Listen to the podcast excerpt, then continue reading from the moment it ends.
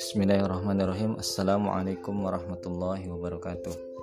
Innal hamdalillah nahmaduhu wa nasta'inuhu wa nastaghfiruh wa na'udzu billahi min sururi anfusina wa sayyiati a'malina. May yahdihillahu fala mudhillalah wa may yudhlil fala hadiyalah an la ilaha illallah wahdahu la syarikalah wa anna Muhammadan abduhu wa rasuluh. Allahumma shalli ala Muhammad Qala Allah Ta'ala fi kitabihil karim A'udhu billahi minasyaitonir rajim. Wal takum minkum ummatun yad'una ilal khair wa ya'muruna bil ma'ruf 'anil munkar wa ulaika humul muflihun. Wa qala aidan a'udzu billahi minasyaitonir rajim. Kuntum khaira ummatin ukhrijat ma'ruf wa tanhauna 'anil munkar wa tu'minuna billahi walau amana ahlul kitab lakana khairan lahum minhum mu'minuna wa aktsaruhum fasiqun. Al ayah sadaqallahul azim.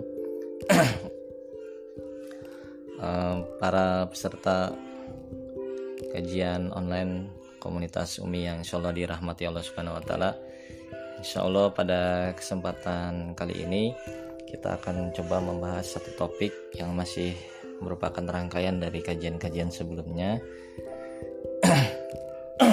yang uh, diberi judul Amar Ma'ruf Nahi Mungkar sebagai pilar pengasuhan. Saya review uh, sedikit ya yang sudah pernah dijelaskan dan dikaji di eh, sesi-sesi uh, sebelumnya bahwa pengasuhan itu adalah aktivitas yang dilakukan oleh orang tua terhadap anaknya ya dalam hal ini konteksnya keluarga kemudian dari kakak kepada adik ya dari suami kepada istri ya. pilar pengasuhan yang sudah dijelaskan dalam teori-teori sebelumnya dalam teori pengasuhan secara umum pengasuhan itu memiliki dua pilar utama ya. Yang pertama adalah berupa aturan, yang kedua adalah tradisi ya. Jadi dalam sebuah keluarga itu meniscayakan harus adanya sebuah aturan dan sebuah tradisi yang dipegang. Jadi kalau keluarga tidak ada aturannya dan tidak ada tradisinya itu patut dipertanyakan ya sisi kelembagaan dan keorganisasiannya. Ya, padahal kita tahu bahwa keluarga adalah sebuah uh, lembaga sosial pertama ya dalam kehidupan manusia dan dia adalah lembaga pengasuhan. Nah dalam kajian sebelumnya sudah dibahas itu uh, sebagian dari penjelasan Quran surat Ali Imran ya ayat 104 yang sudah dibacakan tadi yaitu tentang kewajiban dakwah kepada orang tua ya yang kita ambil dari uh, frasa wal takum minkum ummatu yad'una ilal khair. Ya, dari dari potongan ayat yad'una ilal khair. Jadi ada uh, seruan atau dakwah kepada al khair. Ya. sementara kita akan melanjutkan kajiannya itu melanjutkan uh, dari ayat yang tadi ya, Quran surat Ali Imran ayat 104 yaitu setelah yad'una ilal khair maka ada uh, perintah yang selanjutnya wa ya'muruna bil ma'ruf wa yanhauna 'anil munkar ya. atau yang diistilahkan secara umum oleh para ulama dalam berbagai kitab disebut sebagai amar ma'ruf nahi mungkar ya. amar ma'ruf nahi mungkar yang artinya secara umum bisa diterjemahkan sebagai perintah kepada um, kebajikan dan larangan kepada atau uh, ya larangan ya. Nahi nahi mungkar itu larangan kepada kemungkaran. Jadi perintah kepada yang ma'ruf dan larangan kepada yang mungkar. Ya. kenapa ini saya sebut sebagai pilar pengasuhan? Karena yang pertama tadi kita sudah uh, review bahwa salah satu pilar pengasuhan atau pilar pengasuhan itu ada dua. Yang pertama aturan yang kedua adalah tradisi. Nah aturan itu adalah berisi tentang perintah dan larangan ya.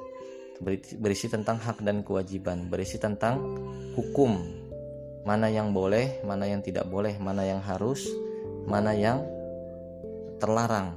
Ya.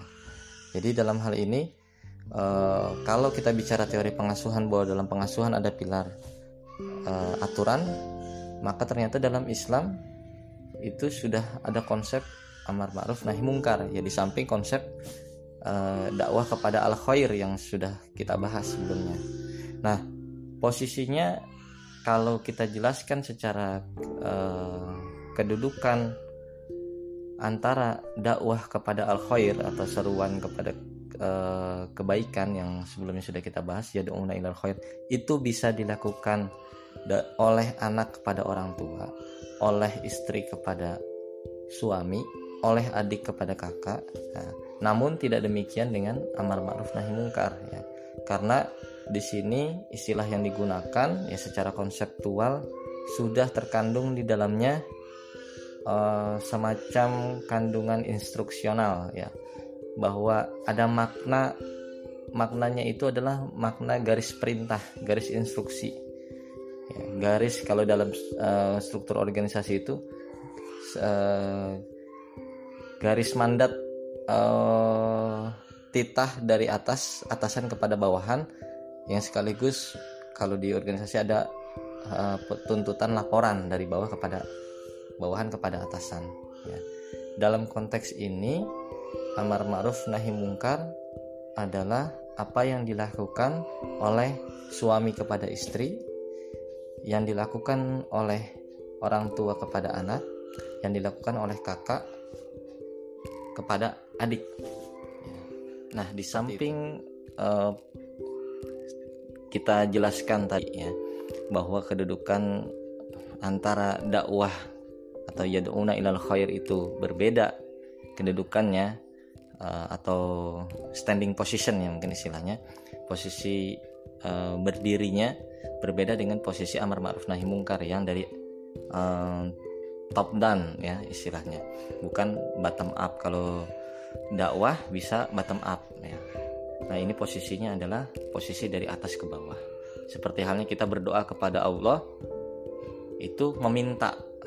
Ya meminta itu menyeru meminta tolong. Jadi dari posisi yang lebih bawah bukan posisi yang sejajar atau posisi yang di atasnya ya. Jadi namanya doa itu seruan ya uh, permintaan. Beda dengan uh, amar ma'ruf nahi mungkar. Ya, ini adalah bentuknya adalah perintah ya. Perintah instruksional yang dari uh, yang lebih tinggi posisinya. Dan ini jadi pilar karena memang harus dilakukan dan harus nantiasa ada dalam institusi keluarga ya. Suami harus senantiasa memberikan perintah dan melarang dan memberikan larangan kepada istrinya. Orang tua harus memberikan perintah dan memberikan larangan kepada anaknya. Ya. Kakak harus berikan perintah dan larangan kepada adiknya, tentunya sesuai dengan porsi dari masing-masing ya. Kedudukannya tentu saja berbeda posisinya masing-masing. Nah, kalau kita bandingkan atau kita lanjutkan bacaan kita di surat Quran surat Al Imran ayat 104 tadi, ada hal yang menarik di ayat 110-nya. Ya, tadi sudah dibacakan di awal. A'udzubillahi minasyaitonirrajim.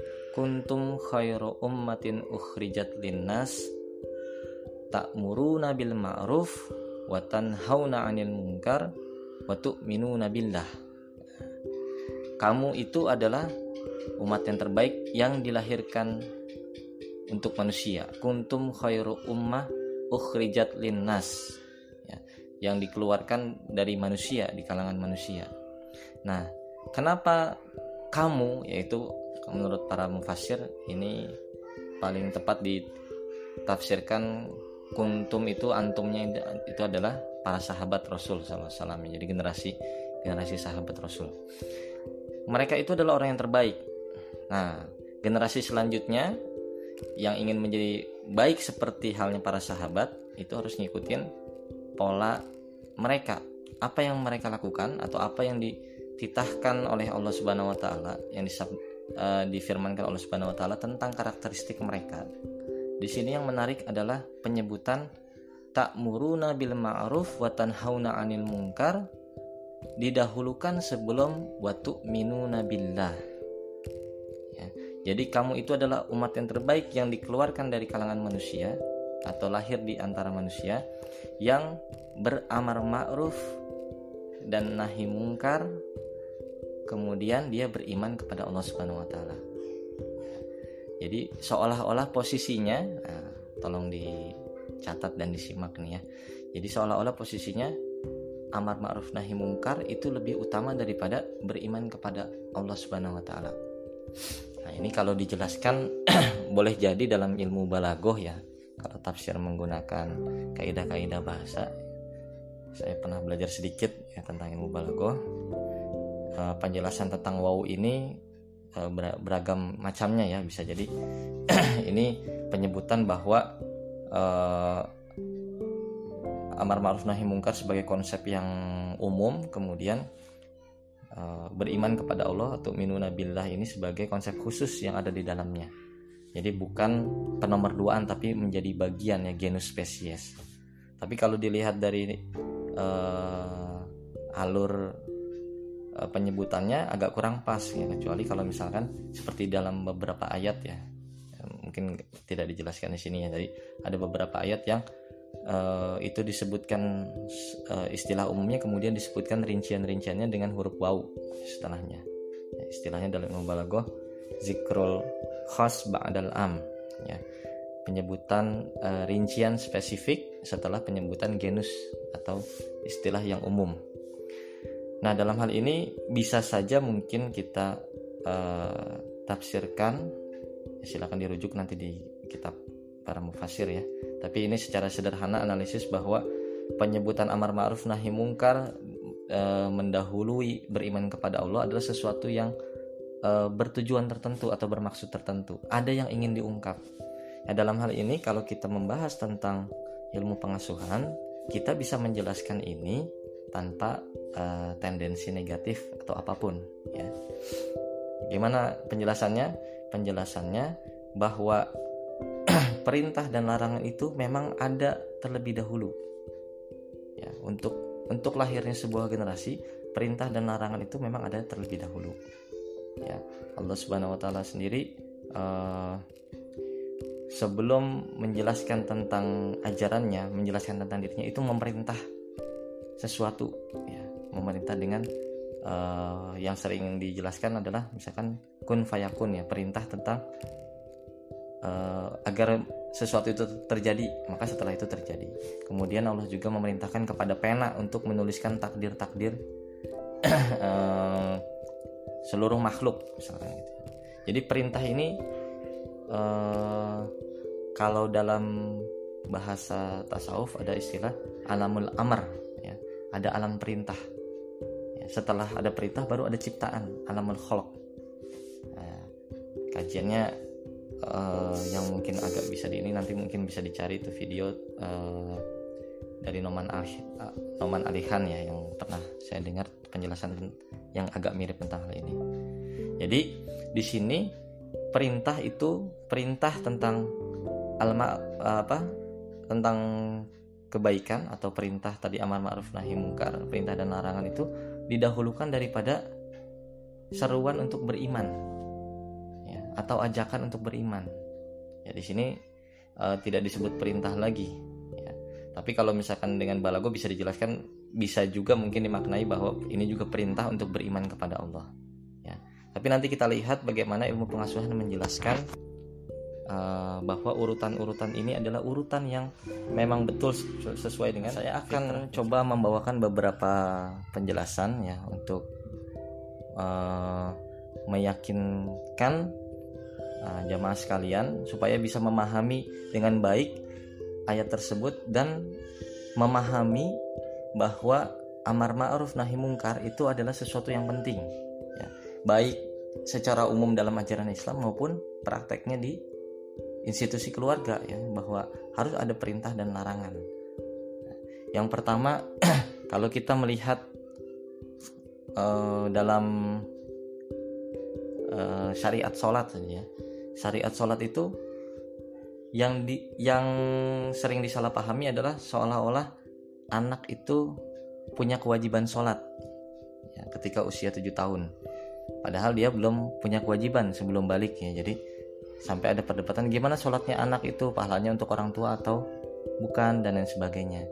Nah sebetulnya kalau dari ilmu pengasuhan kita lihat sudut pandangnya bahwa uh, seorang uh, ayah dan ibu yang beragama ya, dialah yang punya taklif dia yang punya pembebanan syariat. Dia yang punya tanggung jawab.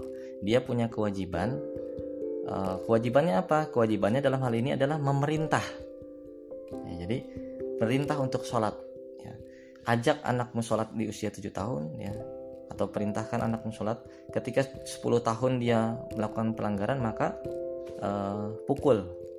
Ya setelah perintah selama berapa tuh kalau dihitung 7 ke 10 tahun ada tiga tahun ya tiga tahun kali. Kalau sholat sehari lima kali berarti perintahnya sudah berulang-ulang kali setelah diperintah.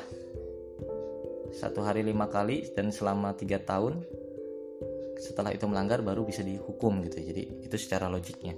Jadi uh, yang jadi penting di sini adalah bahwa ini adalah perintah ya. Bukan syariat sholat pada si anak si anaknya tidak punya syariat sholat dia tidak punya taklif tidak punya kewajiban sholat. Yang ada dalam hadis itu adalah perintah orang tua untuk menyuruh anaknya sholat. Ya, amar ma'ruf ini. Jadi anak itu disuruh sholat, disuruh sholat dan disuruh ya dalam Quran surat Luqman ya ada uh, ya bunayya la tusyrik billah. Ya. Perintah untuk tidak melakukan kesyirikan atau larangan berbuat syirik. Jadi ini kepada orang tua taklifnya taklifnya adalah penjelasan bahwa uh, orang tua itu wajib memberikan amar dan memberikan nahi ya. dalam hal ini berarti orang tua harus melarang anaknya berbuat syirik ya yang pertama tadi anak diperintahkan untuk sholat ya dalam hadis kemudian di dalam Quran surat Luqman anak diperintahkan atau dilarang untuk berbuat syirik ya. jadi kalau kalau uh, si anak ditanya oleh orang lain, "Nak, kenapa kamu sholat?" Jawabannya bukan bahwa karena sholat itu wajib, karena Allah memerintahkan sholat, bukan. Jawabannya adalah bahwa ayah saya atau ibu saya, orang tua saya menyuruh saya sholat. Nak, kenapa kamu beriman pada Allah dan tidak berbuat syirik? Kenapa kamu tidak menyembah patung-patung? Kenapa kamu tidak menyembah berhala? Jawabannya bukan karena saya punya kewajiban dan karena saya beragama anak yang belum berakal belum sempurna akalnya itu tidak ada tidak ada agama pada diri dia agamanya disandarkan kepada agama orang tuanya ya. maka jawaban dari si anak kenapa kamu tidak berbuat syirik karena dilarang oleh ayah saya nah di sini konsep amar ma'ruf nahi mungkar menjadi uh, established ya menjadi menjadi kokoh kembali. Ya, jadi kalau kita memahami ini dari konsep pengasuhan bahwa amar ma'ruf nahi mungkar itu adalah aktivitas yang senantiasa uh, berjalan dalam kehidupan dan ini menjadi, harus menjadi konsentrasi ya. baik kita sebagai seorang suami sebagai seorang ayah sebagai seorang orang tua seorang ibu seorang is, istri seorang kakak nah, itu kita mesti berkonsentrasi atau memperhatikan bahwa kita memiliki taklif untuk beramar ma'ruf nahi mungkar. Ya, salah satunya amar ma'ruf adalah memerintahkan anak untuk sholat. Ya, tanpa meyakini bahwa anak itu punya kewajiban sholat dalam agama. Ya dia tidak punya kewajiban. Ya, maka di sini dia harus uh, menyampaikan konsep ketaatan kepada anak agar anak itu menurut ya dalam pembagian Eh, fase-fase usia pengasuhan sudah dijelaskan ya waktu itu tentang bahwa pada usia 7 tahun kedua antara 7 sampai 14 tahun itu fase pendisiplinan, fase anak sebagai seorang tentara. Mungkin bisa dilihat uh, podcast yang sebelumnya yang direview lagi bahwa anak sebagai tentara itu harus di drill harus diberikan banyak perintah dan salah satu perintahnya adalah sholat. Dan salah satu perintahnya berupa larangan adalah untuk tidak berbuat syirik. Itu meskipun anak belum memiliki taklif dan memiliki beban ya. Jadi uh, dia kalau meninggal di usia 8 tahun 9 tahun ya dia tidak punya dosa tidak punya. Yang ada adalah yang ditanya orang tua dilaksanakan nggak perintah dan larangannya? Perintah dan larangannya. Jadi ini uh, maksudnya pengasuhannya. Jadi orang tua tuh punya punya taklif untuk mengasuh anak. Salah satu pilar dari pengasuhan adalah amar ma'ruf nahi mungkar. Amar ma'rufnya berupa tadi uh, yang disimbolkan dalam hadis adalah uh, sholat perintah sholat. Kemudian di dalam itu ada ada larangan untuk berbuat syirik. Ya. jadi uh, itu yang penting bagi kita semua. Jadi di sini saya kasih kaidah ya untuk mengingat dalam konteks pengasuhan ini dan juga untuk menjelaskan Quran surat Ali Imran ayat 110 bahwa taat kepada orang tua dalam konteks pengasuhannya taat kepada orang tua itu didahulukan sebelum taat kepada Allah. Ya. Kenapa demikian? Ya dari penjelasannya tadi bahwa pertama karena kita posisinya sebagai orang tua itu menyuruh anak. Anak itu harus taat kepada kita dan anak belum mengenal Allah tapi sudah mengenal kita ya. Allah masih terlalu abstrak dan uh, belum menjadi konsep keimanan yang matang dalam diri anak apalagi dia harus menjalankan uh, ajarannya atau syariatnya tentu saja belum. Maka semuanya dinisbatkan atau dibebankan kepada orang tua.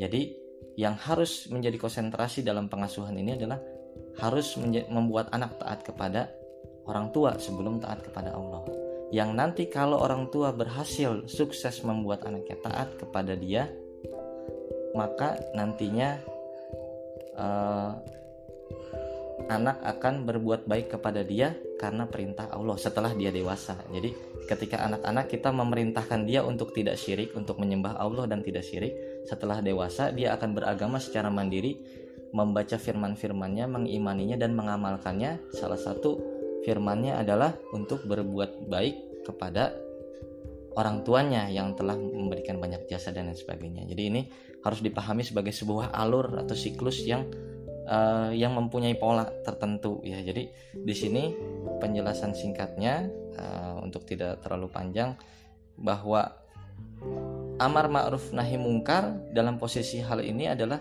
didahulukan sebelum kita berbicara tentang hal-hal yang lebih tinggi dan yang lebih abstrak seperti uh, mengimani Allah Subhanahu wa taala. Demikian mudah-mudahan bermanfaat. Subhanakallahumma wa bihamdik asyhadu an la ilaha illa anta astaghfiruka wa atubu ilaik. Assalamualaikum warahmatullahi wabarakatuh.